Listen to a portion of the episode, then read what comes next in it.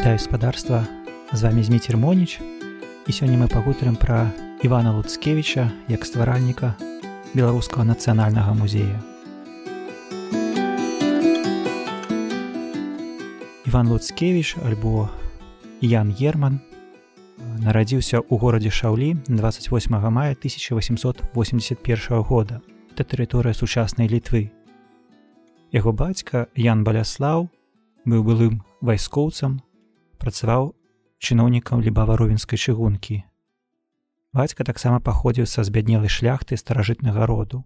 Маці Соф'я Лычкоўская была з небагатай шляхецкай сям'і. Іван меў чатырох сясцёр і двух братоў. З той прычыны, што бацька Івана Луцкевіча быў чыноўнікам на чыгунцы, то сям'я шмат падарожнічала. І ў 1887 годзе яны пераязджаюць у Лібаву, гэта сучасная Лейпая, Латвія, дзе Іван пачынае наведваць мікалаеўскую гімназію.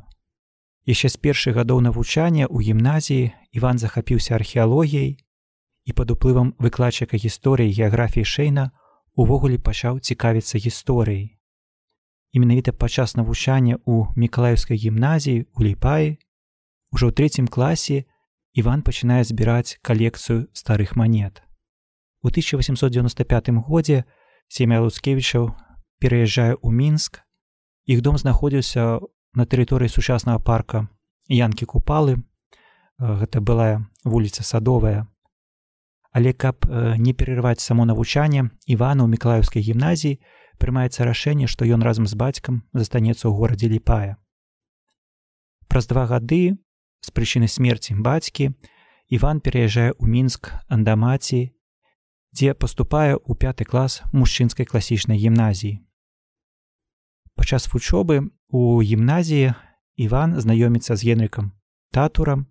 Это вядомы гісторык археолог калекцыянер і казімірам кастравіцкім больш вядомым пад псеўданімам каруська ганец менавіта татур і кастравіцкі паўплывалі на івана луцкевіча паўплывалі на станаўленне яго беларускай свядомасці увогуле трэба сказаць што менавіта падчас навучання ивана луцкевича і ў мікалаеўскай гімназіі і у мінскай гімназіі пачынаецца станаўленне яго як беларуса калі ён навокал бачыў як групаваліся літоўцы асобна палякі асобна латышы асобна і ён разумеў што ён і не літовец і не паляк і вось у гэты час ён пачынае менавіта разумець што беларусы яны асобныя Яны хоць і падобны нечым і да літоўцаў да паляку, але яны асобныя.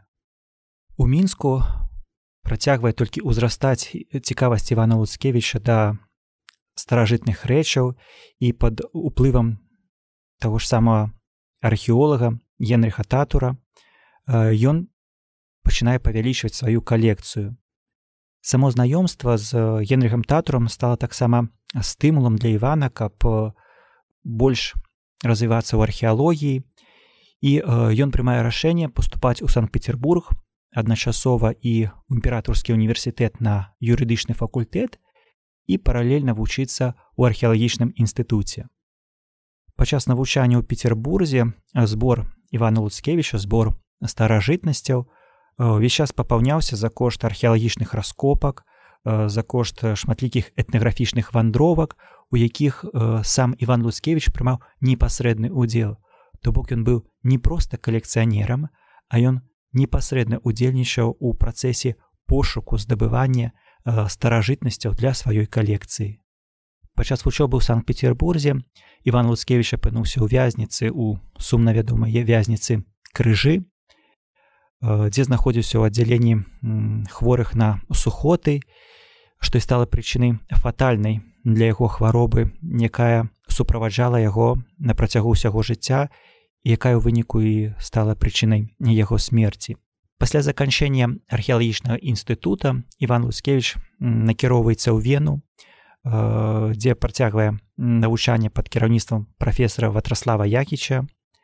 І ў вене ён знаёміцца з дзейчамі украінска нацыянальнага руху, пасля гэта пераязджае ў Львоў, дзе пазнаёміўся з стаўпом украінскага адраджэння уніяцкім метрапалітам Андрэем шаптыцкім. іх зблізіла агульная цікавасць да археалогіі і да уніі да царкоўнай уніі Іван луцкевич пачынае даслаць некаторыя прадметы якія звязаны з царкоўнай уніяй украінскаму царкоўнаму музею у Львоў. Гэты музей заснаваў мітрапаліт шаптыцкі трэба сказаць што Іван луцкевич некаторыя рэчы дасылаў у якасці дара некаторыя рэчы ён прадаваў львоўскую музею.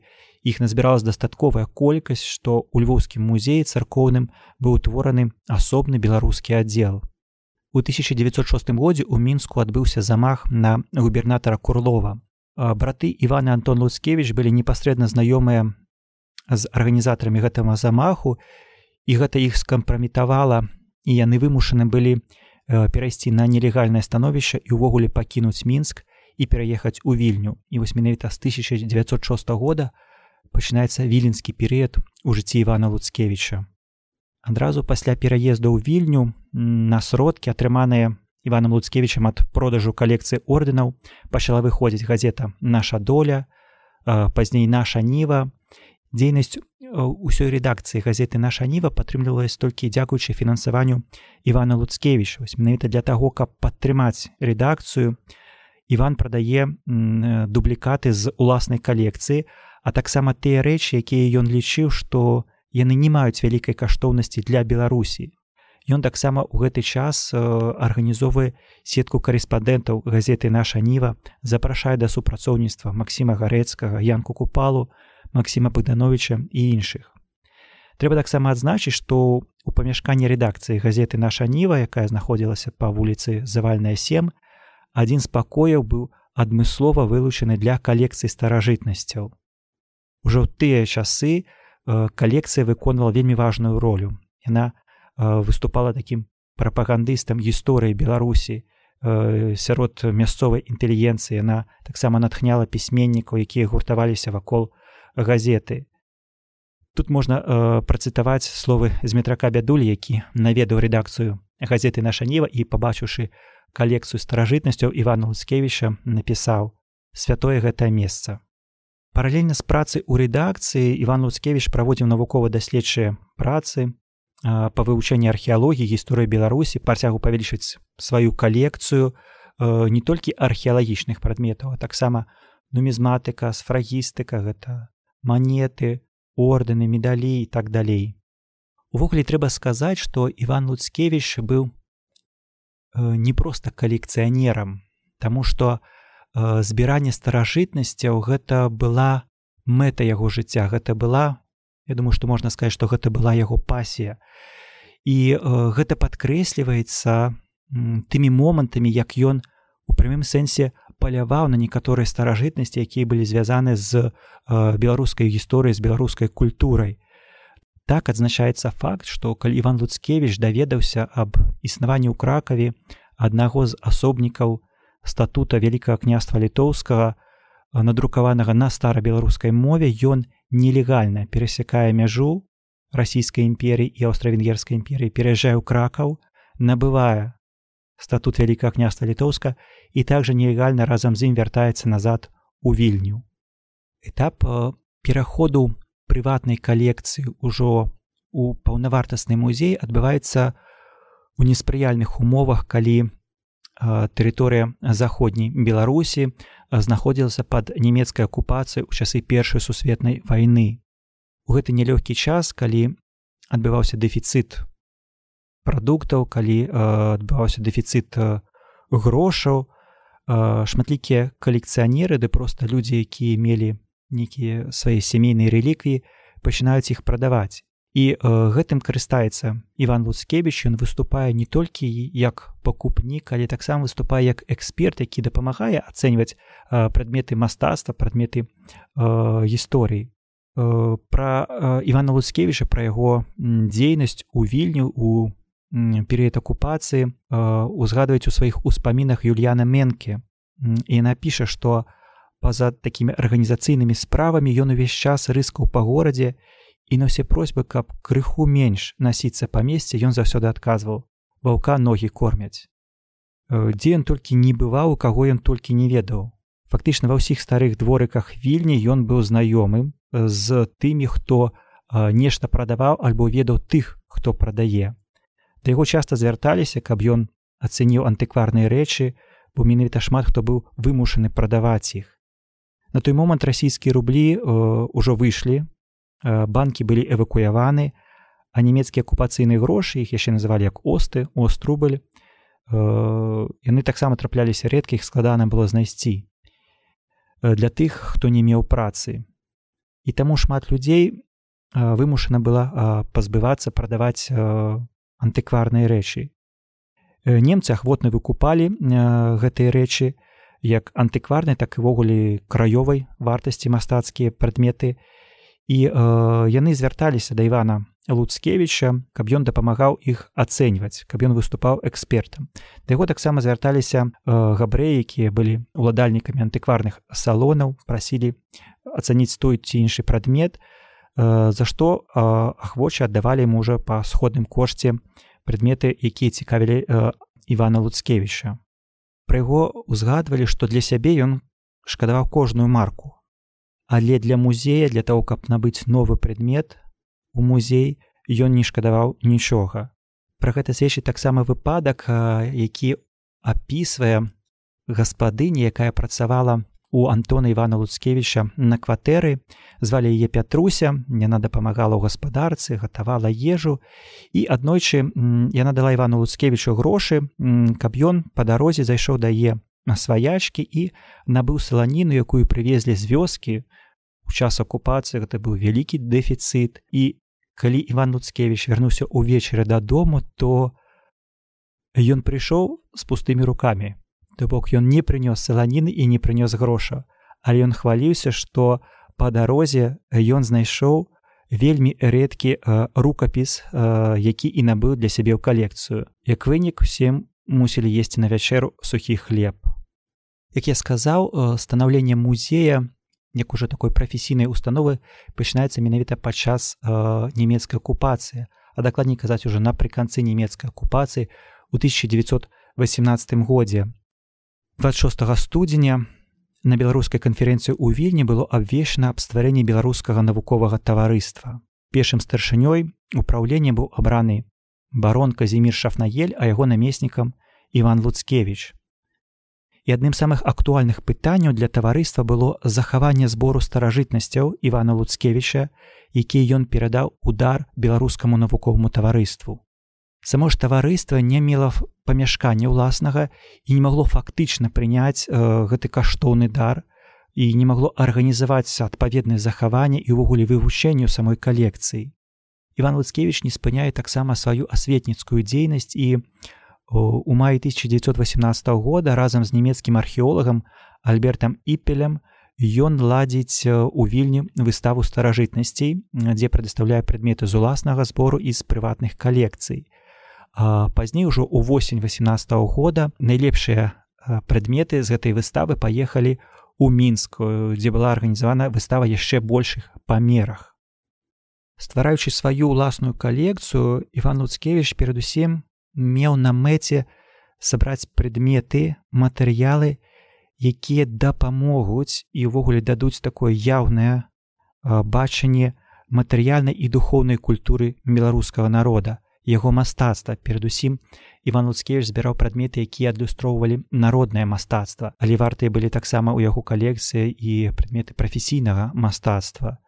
Таксама праз сваю калекцыю ён хацеў паказаць э, сувязь непарыўную сувязь э, беларусі вялікага княства літоўска што што Беларусь з'яўляецца неад'емнай часткай і э, спадкаемца вялікага княства літоўскага Іван Луцкевич памёр 20 жніўня 1919 года у санаторыі недалёк ад польскага горада закапаны. Там ён і быў пахаваны. Але з яго смерцю не скончылася гісторыя музея, трэба сказаць, што з яго смерцю пачаўся новы этап у зборы старажытнасцяў Івана Луцкевича. Ужо 1921 годзе у вільні беларускае навуковае таварыства, у мурах былога базыльянскага кляштара на аснове калекцыі старажытнасцяў луцкевіча э, стварае музей які атрымаў назву віленскі беларускі музей ивана луцкевіча знайсці месца для стварэння экспазіцыі былі было даволі складана тому что э, самой беларускае навуковае таварыства не мела адпаведнага фінансавання. і толькі дзякуючы дазволу праваслаўнага духавенства на выкарыстанне на бясплатнае выкарыстанне памяшканняў былога базыльянскага кляштара з'явілася магчымасць арганізаваць экспазіцыю музея. Пасля пераезду ў базыльянскія муры супрацоўнікі музея наладзілі працу па сістэматызацыі і каталагізацыі калекцыі ивана луцкевича трэба сказаць што тыя прадметы якія иван луцкевич знаходзіў трэба было яшчэ вывучаць трэба было праводзіць іх атрыбуцыю вызначаць аўтарства напрыклад жывапісных прадметаў графічных і ўвогуле даследаваць ці сапраўды тая ж самая калекцыя археалагічная манетаў тая ж самая калекцыя пячатак ці яна адпавядае таму перыяду пра які казалі прадаўцы калі иван луцкевич набываў ці гэта насамрэч былі пярсцёнкі манеты 10 13 14 стагоддзяў таксама у музеі ивана луцкевича пачынаюць з'яўляцца новыя прадметы якія набывала беларускае навуковае таварыства альбо ахвяроўвалі прыватныя асобы. Аднак тое што набывалася гэта было толькі малай часткай музейнага збору. Асновай надалей заставалася калекцыя старажытнасцяў ивана луцкевича у 1937 годзе дырэктар віленскага беларускага музея імя ивана луцкевича антон луцкевич запаўняе анкету дзе апісвае стан музея. І у адпаведнасці з гэтай анкетай у калекцыі музея знаходзілася 4228 музейных прадметаў з іх у пастаяннай экспазіцыі толькі 1511 сам збор музея ён падзяляе на наступнай калекцыі этнаграфія выяўленчае мастацтва скульптура мастацкія промыслы нумізматыка археалогія і бібліятэка з архівам трэба сказаць што сярод тых музейных прадметаў якія знаходзіліся ў калекцыі музея можна вылучыць э, э, найперш жывапісныя палотны францішка смуглевіча яна рустыма кануце русецка ивана трутнева юзефа пешкі петра сергеевича язепа драздовича і шматлікіх іншых. Таксама вялікая колькасць э, партрэтаў беларускай шляхты аўтарства якіх э, не было вызначана. Вялікая колькасць э, абразоў таксама невядомых майстроў і сакральнай скульптуры якая паходзіла з касцёлаў і часам таксама і з церкваў сярод рукапісаў і старадрукаў у калекцыі ивана луцкевича вылучаліся такія рарытэтныя выданні як жухавіцкае евангелие 14 стагоддзя аль-кітап які паходзіў з вёскі 40 татар пад вільняй трэба сказаць што иван лускевич быў адным з першых хто э, заняўся непасрэдным вывучэннем аль-кітабаў кніг якія на тэрыторыі беларусі пісаліся арабскай вязю але менавіта на беларускай мове. То бок беларуская мова перадавалася не кірылічным напісаннем не лацінскім а арабскай вязю таксама у бібліятэцы э, музея знаходзіўся статут 1518 года я ўжо згадваў як иван лускевич яго здабываў. э, знаходзіліся выданні краёвых і замежных друкарняў ужо з 17 стагоддзя ажно до 20 стагоддзя і у бібліятэку ўваходзіла частка збору юдакіма романова і барыса даніловича сам музей фактычна праіснаваў з 1921 до 1939 года Ужо 19 верасня 39 -го года у вільню ўвайшлі савецкія войскі. Быў арыштаваным дырэктар музея антон луцкевич і з 39 до 1940 года музей фактычна быў зачынены. Падчас нямецкай акупацыі дзейнасць музея была адноўлена. Быў прызначаны новы дырэктар і новы склад супрацоўнікам музея. Напрыканцы 1944 года нямецкія акупацыйныя ўлады загадалі вызваліць будынак дзе знаходзіўся музей базыльянскія муры і прапанавалі пераехаць у новы будынак. У той самы час частка найбольш каштоўных экспанатаў пасведчанні сучаснікаў была схавана ў сутарэннях касцёла святого михала арханёла ў вільні дзе служыў вядомы дзеяч беларускага адраджэння ксёнз адам станкевич пасля вызвалення вільні калі прыйшла савецкая улада было прынята рашэнне падзяліць усю калекцыю віленскага беларускага музея паміж літвою і беларусю для гэта была створана камісія якая прыняла рашэнне падзяліць увесь збор на чатыры групы першая група гэта экспанаты якія маюць адносіны да гісторыі літоўскага народа. Другая група гэта экспанаты якія маюць адносіны да гісторыі беларускага народа. Третья група гэта экспанаты якія маюць адносіны да гісторыі і літоўскага і беларускага народаў. І четвертая група гэта экспанаты якія не маюць адносіны да гісторыі ні літоўскага ні беларускага народа. І гэта працоўная група па ліквідацыі музея прымае рашэнне што прадметы якія адносяцца да першай і четвертой групы пакінуць у літве то бок гэта прадметы якія адносяцца да літоўскага народа а таксама адначасова і да літоўскага і да беларускага народаў. Все гэта пакідаецца ў літве беларусі перадаюцца тыя прадметы якія адносяцца да беларускага народа і частка з тых якія адно не адносяцца не да літоўскага не да беларускага народа. Трэба сказаць што ўжо э, сучаснікі апісвалі што падзяляць на той момант э, калекцыю асабліва на прадметы якія маюць дачыненне ці то да літоўска ці то да беларускага народа было вельмі складана. І найбольш каштоўныя прадметы яны засталіся ў вільні і былі перададзены пазней у у літоўскія музеі архівы і бібліятэкі. На тэрыторыі беларусі потрапіла толькі малая частка калекцыі віленскага музея імя івана луцкевіча.